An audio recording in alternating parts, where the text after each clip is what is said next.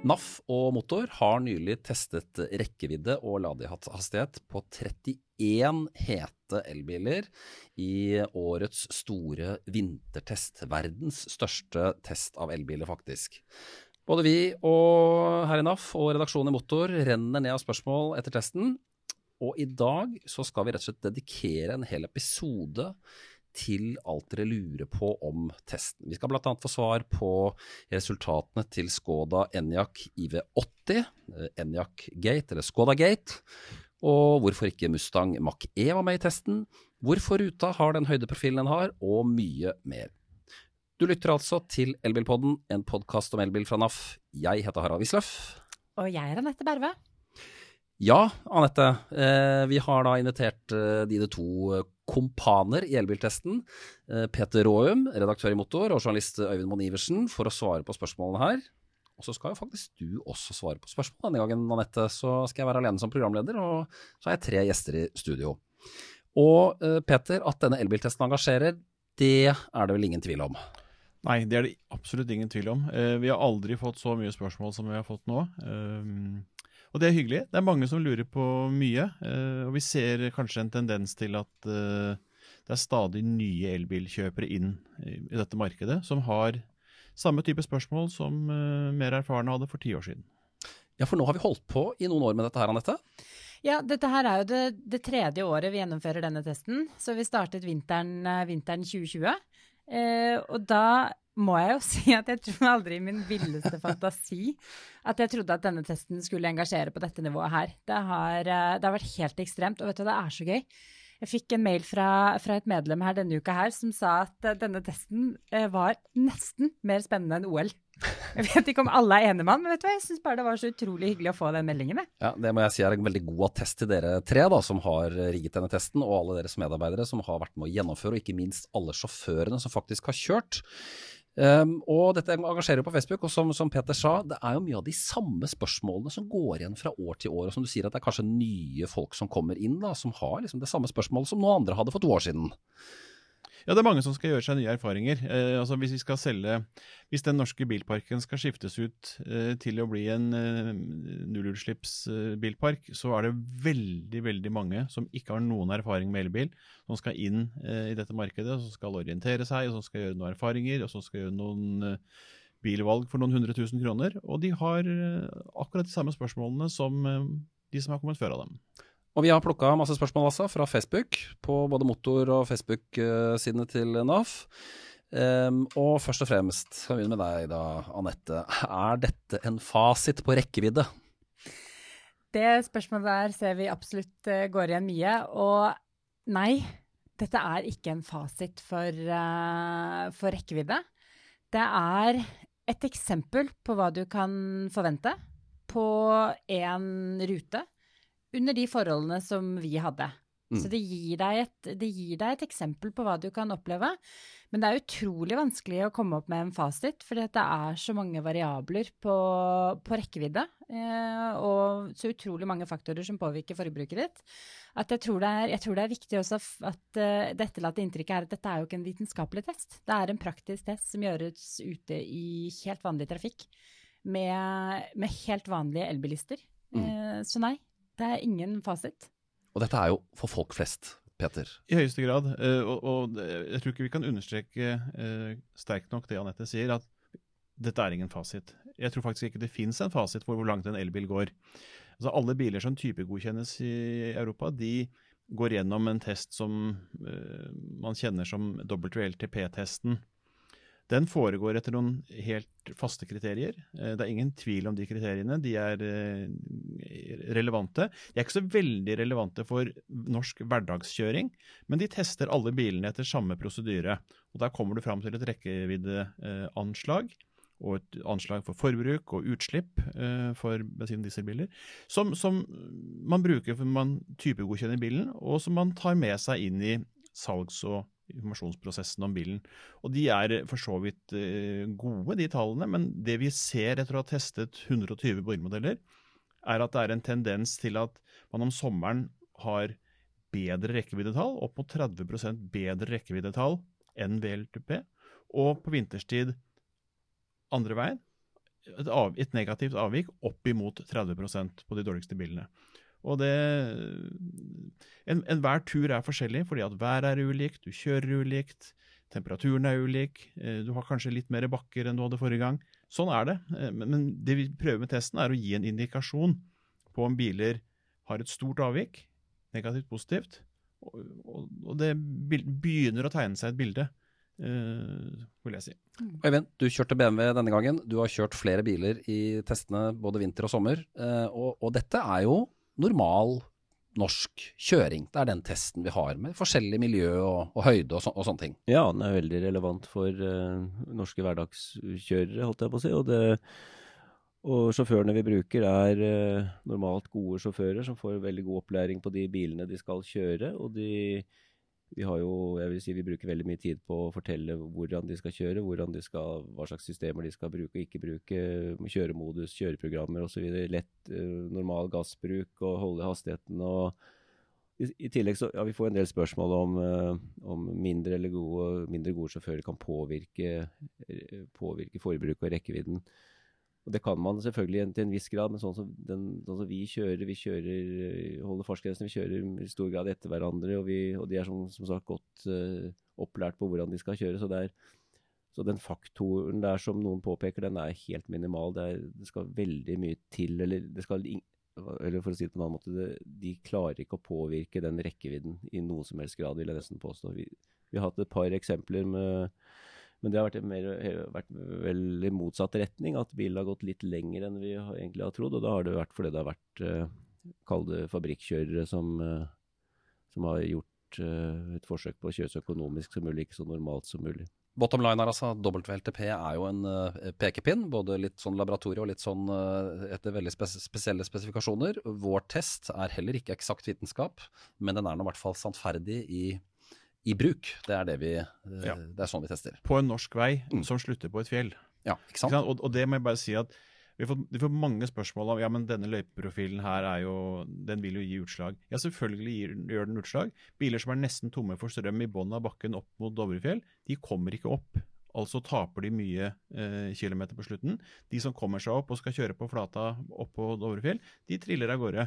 Og de, det blir en stor avstand mellom dem. De som får regenerere på bakkene ned fra fjellet, de kommer lenger enn en andre. Så, men vi tester ikke bilene på en flat strekning så langt de kommer, eh, for vi tror ingen kjører en flat strekning i, i, Norge. For det er vel sjelden en tur som bare er på flat strekning? Ja, og det er det. Eh, altså, eh, akkurat det spørsmålet der om den høydeprofilen, det, det går igjen hvert år. Eh, og dette er jo ikke en teoretisk test. Bilene går ikke teoretisk til uh, Folldal hvis bare stigningen opp fra Dombås hadde vært slakere. Eh, for hvis du da sitter med hytte oppe på Hjerkinn f.eks., eller, eller Folldal, så er du kanskje nysgjerrig på å vite om eh, BMW iX50 faktisk kom seg fram til hytta, sånn at du vet litt hva du kan forvente. Og da er det litt kjedelig å sitte der oppe. Ja, ja, hadde bare bakken opp til Hadde Dovre bakken opp til Hjerkinn bare vært litt slakere, så hadde jeg kommet fram. Det er, det er, ikke sånn en praktisk test eh, fungerer. Bilene går så langt de går.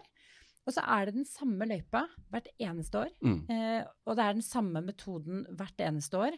Det betyr jo at eh, vi sammenligner jo heller ikke eh, en bil som går 20 mil og stopper nede på uh, rundt 13 med de bilene som går lengst og har den mest kuperte uh, ruta de tester. Jeg tror du sammenligner jo du sammenligner jo rekkeviddesegmentene her opp mot hverandre. Så, så, jeg tror kanskje man skal ta testen for det det er. Det er en praktisk test mm. i virkelig trafikk. Ikke en teoretisk test, ikke en teoretisk øvelse. Dere skal kjapt få, skal kjapt få snakke litt mer om kjøreruta, bare ta så vi har spørsmål her. Eh, hvorfor tester vi ikke i 20 kuldegrader, Anette? Jeg skulle gjerne ønske at jeg kunne bestille været den testdagen.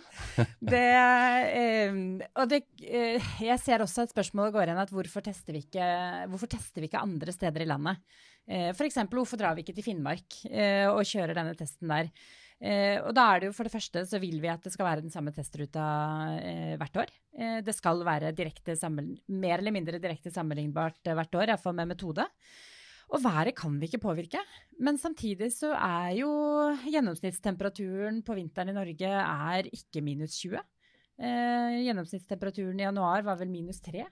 Så temperaturmessig så, så treffer jo egentlig denne testen her ganske godt. Vi lå mellom minus var det mellom null eller minus én og minus ti i år. Eh, tørre veier, selvfølgelig. Og dette er jo da igjen det folkelige. Det er ikke alltid 20 kuldegrader når du kjører bil. Det er eh, noen kuldegrader de aller fleste stedene i landet. Øyvind, rullerer vi på sjåfører, eller har vi hver vår bil? Vi har hver vår bil.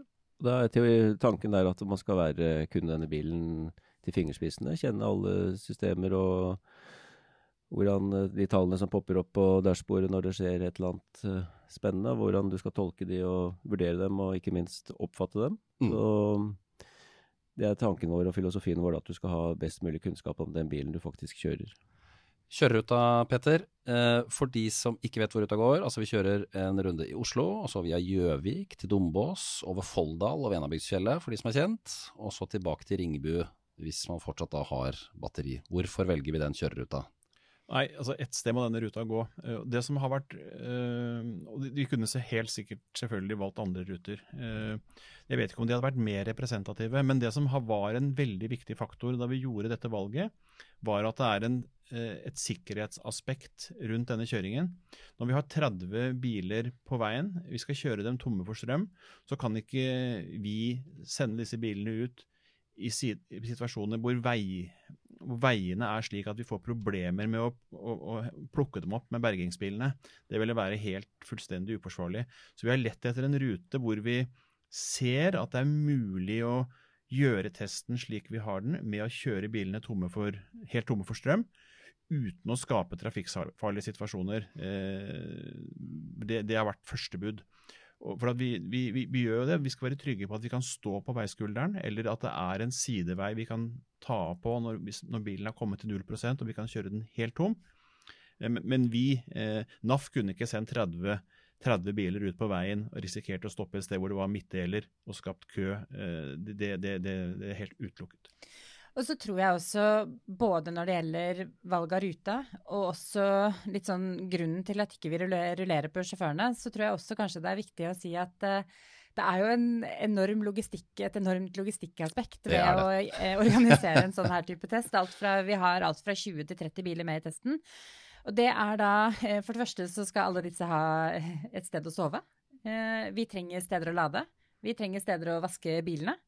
Eh, og vi trenger også eh, ikke ende opp altfor langt unna Oslo, faktisk. Eh, sånn at denne testen eh, faktisk lar seg gjennomføre over to dager. Eh, vi skal ha steder å ta bilder. Eh, så det er sånn, det er mye Det er en del andre detaljer som, som også vi har måttet tenke på når vi skal først lage en sånn her type test. Sånn at vi kan få også delt resultatene med følgerne våre. Så det er liksom litt logistikk og dette, litt praktisk. jeg tenker at dette med logistikk og overnatting så Det understreker jo bare det folkelige i hele testen, egentlig. For det er jo sånn vi ofte gjør på tur. At det er en eller annen logistikkutfordring, eller noe som skal handles, eller man må lade, eller vaske for den saks skyld. Og så har det jo vært gøy å se hvordan eh, første vinteren vi gjorde denne testen her, så var ladingen på Dombås ganske Det var kritisk dårlig. Eh, da var det Tesla Superchargers eh, som dominerte, og ellers var det vel noen Eon-ladere og noen BKK. Eh, så det var jo egentlig en kjempekatastrofe med lading der oppe. Men eh, det som er gøy å se, det er at vi har liksom fått føle litt på utviklingen av ladeinfrastrukturen i Gudbrandsdalen. For ruta nå, ruta nå er bedre enn den var. vesentlig bedre Mm. ladetilbud langs ruta. Og Dombås, eh, selv om det fortsatt er veldig mye kø der til tider, så er jo ladetilbudet blitt helt enormt der. Øyvind, avstand og rekkefølge underveis. Selv med god avstand mellom bilene kan du kjøre bak en annen bil. Det har ganske mye å si for aerodynamikken. Altså sånn drag, ikke sant. Er det noe rekkefølge man skifter, eller holder vi Er det avstand nok til at man ikke får noe juks her? Jeg tror vi trygt kan fastslå at, at du ikke kan legge deg bak en bil og få operere i dragsug av den og tjene noen kilometer eller mil på det. Altså vi, vi sender jo bilene ut i ulike puljer, og etter hvert som de begynner å kjøre ut i trafikken, så sprer de seg. Og det er, eh, de skal jo ha ulike Alle skal jo ha tre, eh, tre hvilepauser underveis på 10-15 minutter. og så det, den kolonnen der, den sprekker ganske fort, og de kjører eh, mer eller mindre helt normalt på etter hastighetsgrensene. Så noen aerodynamiske fordeler der, det tror jeg vi kan utelukke. Kan vi jo si at eh, det som dere måtte finne av bilder og sånne ting, er jo ofte da rigget for bildets skyld. Så normalkjøring er normalkjøring. Snitthastighet, vet vi, noe om det? Ja, vi ender opp alt mellom eh, 60 og 67 km i timen på, på testen. Um, og det er jo en annen ting som faktisk er diskutert mye. Det er hvorfor har vi ikke høyere gjennomsnittshastighet? Hvorfor har vi ikke valgt en rute med mer motorvei? Men uh, 110-sone motorvei er jo veldig unikt for uh, Østlandet og Ja. en del av hovedveiene. Det er ikke flere steder i landet så er ikke det hastighetene som er normalt. Der er 80-90 mer normalt. Så eh, drar du på en langtur og er bevisst på gjennomsnittshastigheten din på den turen, så kan du bli overrasket over hvor lav den gjennomsnittshastigheten kan være, selv om du føler at du kjører mye på motorvei. Så, og jeg har også sett noen av regnestykkene våre som faktisk viser at eh, det å kjøre i den hastigheten der, og faktisk ikke ligge mer i 70-80 km i timen, det har faktisk mer et negativt, eh, negativ påvirkning på forbruket. Du har høyere forbruk i såpass lave hastigheter enn i høyere, i høyere hastigheter. Så det er ikke nødvendigvis positivt eh, å kjøre så sakte. Nettopp.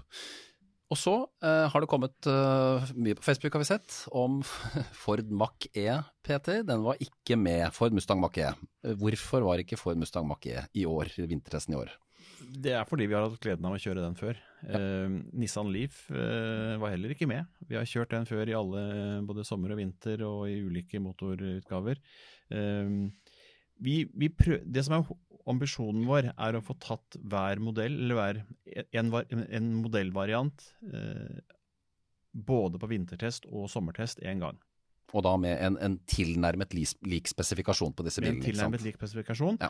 Og så har vi tatt med nye, har vi tatt med biler vi har testet tidligere, hvis de har fått uh, forbedringer som vi tror påvirker resultatet mye. Nettopp. Det er derfor modell 3 for eksempel, har vært med flere ganger. Den er blitt eh, dramatisk forbedret. Mm. Eh, og, og, og altså, Helst skulle jeg jo kjørt 150 biler i testen hver gang, men altså, det, det, vi sliter med 30. sånn at vi, det, det er en stor operasjon med 30 biler. Sånn at uh, vi, vi prøver å få med alle en gang, sommer og vinter, men, men, og, og det gir oss et, en indikasjon på hvor langt bilen går.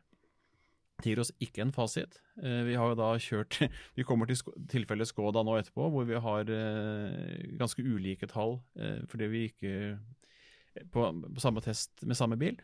Så det, det vær- og pøreforhold, temperatur påvirker eh, ganske betydelig, og, og derfor har vi eh, de, de, Derfor er ikke tallene mer enn en indikasjon. Og så er det jo spennende kinesere uh, ute og ruller i Norge. Uh, en av dem, uh, Hongxi, da uttaler jeg riktig, gjør jeg ikke det?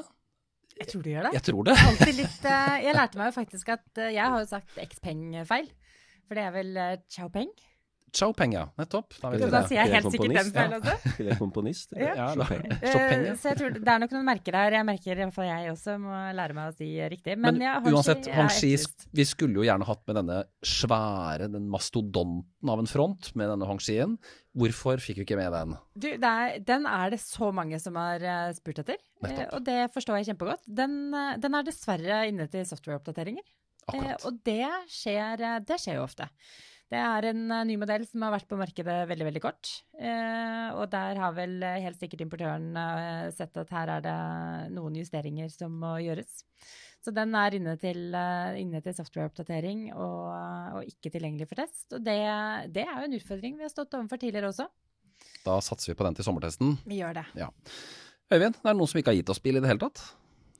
Ja, det har vel skjedd én gang. Vi har prøvd å få med oss alt som kryper og går av modeller, og sjekket ut alt som er. Og, men vi har fått ett negativt svar, og det er fra, fra, fra Lexus, som hadde Ja, de hadde vel relativt dårlige resultater i vår første test, og kanskje konsekvensen av det. Og jeg skjønner jo godt at Lexus ikke vil ha oppmerksomhet rundt det, men uh, samtidig så er det jo litt sånn symptomatisk, syns jeg, for hvordan uh, kan du si Toyota og Lexus-systemet tilnærmer seg elbil. da, At det har ikke vært noe høy prioritet så langt. Hadde det vært en Toyota RAV4 eller et eller annet sånt med tilsvarende problem, så hadde de antagelig sendt et fly over dagen etterpå med ti ingeniører og presidenten i Toyota og Lexus. Så, så Ja. elbilsatsingen har ikke vært høy hos Toyota og Lexus så langt, men vi vet jo at de kommer allerede i løpet av et par måneder med fullt øs. Ja, det skal jo sies at de, de hadde jo De har jo kontaktet oss og skulle gjerne hatt med sin nye elbil, altså Toyota BR Et eller annet? PZ 4X. Dere, takk. Jeg skulle gjerne hatt med den i testen. Men jeg, jeg syns jo jeg syns, er en, jeg syns vi erfarer litt sånn ulike tilnærminger til resultatene. Eh, vi opplever absolutt at noen merker er veldig nysgjerrige på resultatene våre og har bare lyst til å lære mer. Eh, har lyst til å vite hvorfor ikke bilen deres eh, presterte bedre sammenlignet med konkurrentene. Og vi har sittet i møte med ingeniører i mange land, vi, eh, for å gå gjennom resultatene, hvor de bare har lyst til å lære hver eneste lille detalj. Og det tenker jeg er en litt sunnere tilnærming enn å, enn å på en måte sette seg på bakbeina. Mm. For det er også veldig farlig for forbrukerjournalistikken. Hvis man trekker produkter fra, fra tester fordi man ikke liker resultatene da tenker jeg da, da er vi Det er en farlig vei å gå. Ja, nå har, ikke, nå har, vi ikke, Lexus her til å komme med noe tilsvar, men i hvert fall, vi håper at de blir med neste gang. Um, og så er det en hvor vi har snakket med importør frem og tilbake, uh, som ble et ganske spennende prosjekt under årets vintertest. Og Skoda Gate, eller Enjak Gate, altså det, det var et eller annet som skjedde med Skoda Enyaq IV80, altså den tohjulsdrevne bilen, som kjørte 347 km og gikk da kortere enn IV80X, som da har firehjulstrekk. For den gikk 403 km. Og vi vet jo at Skoda Enyaq har det vært utrolig mye bøss om. Det er en veldig populær bil på denne plattformen, som den jo deler bl.a. med ID4. Um, hva, var som, hva var det som skjedde, Peter? Nei, jeg vet fortsatt ikke. Um, gikk, dette er den første bilen vi har hatt i den testen som gikk, uh, hadde et negativt avvik på mer enn 30% fra VLTP. Uh, og det syns vi var veldig rart, for den uh, firehjulsdrevne utgaven av den samme bilen presterte jo kjempebra. Og det var ikke noe som tilsa at den bilen med bakhjulsdrift skulle, skulle, gjøre det så dårlig. så vi fikk låne en annen bil, samme type og kjørte testen eh, fire dager senere og fikk eksakt samme resultat. Mm. Da var det varmere i været, men det var veldig kraftig vind. Eh, men vi hadde ganske, til, ganske, like tall. Og så kjører det, og Møller kunne ikke gi oss noe godt svar, altså importøren kunne ikke gi oss noe godt svar på hvorfor det var sånn. og det var ikke så lett å forstå. Og så har de kjørt selv en test. For, for, for Bøller gjorde da selv denne testen med, med samme type bil igjen? Ja, heldigvis. På egen hånd. heldigvis. Og, og det, det, all ære for det. For det, det, er, eh, det, er, eh, det var ingenting vi opplevde som tilsa at bilen skulle være sånn. Og så gjorde de en test under en tredje type værforhold igjen, og fikk brukbare resultater. Eh, ikke VLTP, men, men helt OK. Og det Hvorfor de, de, de, gjorde de med den eksakt samme bilen som vi hadde i første test. Så hvorfor de er så ulike, det, det, er vanskelig å si. Vi har ikke fått noe svar Møller, fra Møller om bilene, annet enn at de er helt trygge på at den software-messig og, og, på alle vis er helt OK. Jeg tenker at De tre kjøreturene er gode eksempler på at uh, utslagene kan være veldig store ut fra uh, faktorer som du ikke kan påvirke, nemlig vær og føreforhold. Mm. Og det siste aspektet, som jeg vil si uh, Møller selv har jo skrevet et leserinnlegg som er publisert på motor.no, hvor de jo skriver at uh, en erfaren elbilist uh, etter alle solemerker ville klart å oppnå bedre rekkevidde enn en uerfaren elbilist. Og, og, skriver også at under testen var det tilfeldig hvilke biler som ble kjørt av drevne elbilister. og da må jeg jo ærlig innrømme at jeg lurer litt på hva er en dreven elbilist? Eh, for eh, sjåføren av eh, Skoda Enyaq IV80 er en elbilist. Mm. som kjører elbil i hverdagen, og da vet hvordan man og er en god sjåfør. så da er det litt sånn Hvor god sjåfør er du nødt til å være da, for å klare i det hele tatt komme i nærheten av WLTP-rekkevidden? Den, den syns jeg er litt merkelig. Jeg tror mange kjenner seg igjen i våre tester nettopp fordi at de testene kjøres av helt vanlige elbilister, ikke av fabrikkskjørere og ekstremt drevne biljournalister som vet hvordan de skal tyne ut hver eneste lille watt. Mm. Og så er det selvfølgelig slik at dette er, dette er jo en bra bil. Bilen er ålreit. Mm, bilen er fin, den. Eh, men, men, det er, eh, men det er en, eh, et punkt ved denne elbilintroduksjonen i Norge som er et mysterium for mange, og det er denne rekkevidden. For de lurer, Man har med seg vanene fra den gamle bilen med forbrenningsmotor, hvor man vet omtrent hvor langt de gikk, hvor man vet omtrent hva de brukte. Og det er eh, veldig krevende å skulle beregne rekkevidde eh, for en langtur eh, hvis bilen går 30% lenger enn den lover om sommeren, og 30% kortere om vinteren. Og det at folk har spørsmål om det, og sånn, det er ikke så rart. Jeg, jeg tror de trenger et bedre svar enn at man må være en veldig god sjåfør. Ja. Ok, folkens. Um, hva tenker dere om at bilene som kom øverst i rangeringen som beste bilkjøp 2021, gjør det såpass dårlig i ladetesten? Altså Står dere fortsatt på at Ioniq 5-modell, Tesla Modell Y og Cupra Born er de beste kjøpene, Øyvind? Ja, det er det spørsmålet vi hadde grua oss til, da. Var noe vanskelig spørsmål nå? Ja, det er det. Nei, altså det er jo veldig mange andre faktorer enn akkurat det vi sitter og snakker konkret om her, som rekkevidde. Som, som avgjør om, bil er, om en bil er et godt kjøp eller ikke.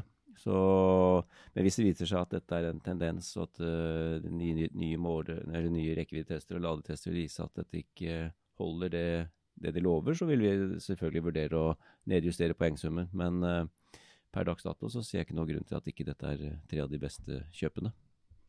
Og så skal det sies at uh, det er gode biler dette også, og det er ikke alltid lading bestemmer alt. Nei.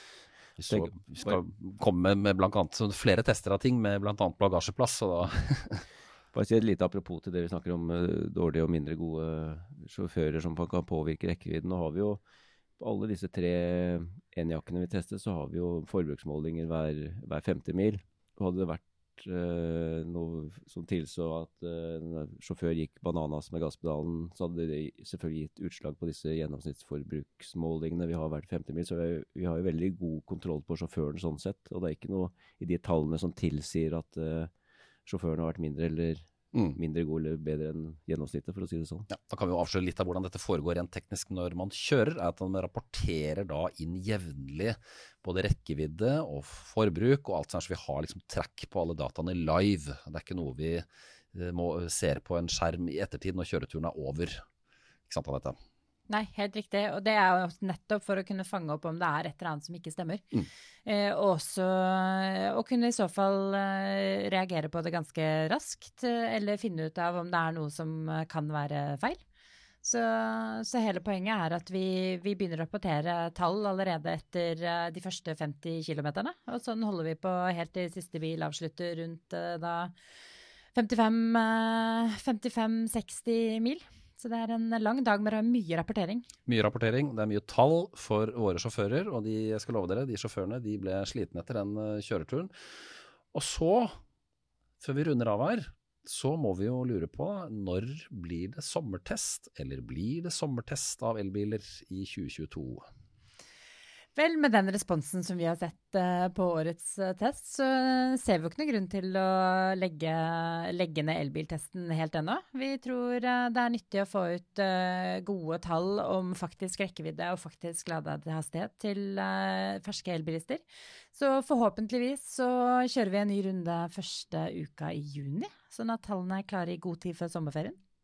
Og i mellomtiden så er det jo selvfølgelig bare å se på alt det både Motor har skrevet på, i bladet sitt og i motor.no, og det vi har skrevet på naf.no, skråstrekk elbil. Um, så da tenker jeg vi skal takke for oss. Fortsett å kommentere i kommentarfeltene. Still oss spørsmål. Send oss gjerne en melding på Messenger på Facebook. NAF eh, Elbil på Facebook, altså. Og vi er jo også på Instagram, selvfølgelig, og hjemmesidene våre naf.no elbil. Og du kan lytte til denne podkasten og abonnere på den i alle kjente podkastapper og på Spotify. Og du finner oss på YouTube og også på naf.no. Her i studio Peter Aum, redaktør i Motor. Anette Berve, forbrukerrådgiver i NAF. Øyvind Mann Iversen, journalist i Motor. Harald Wisløff heter jeg. Teknisk ansvarlig var Isabel Andersen Mojos. Og så kommer vi tilbake med en ny sending om 14 dager. Ha det bra så lenge. Ha det.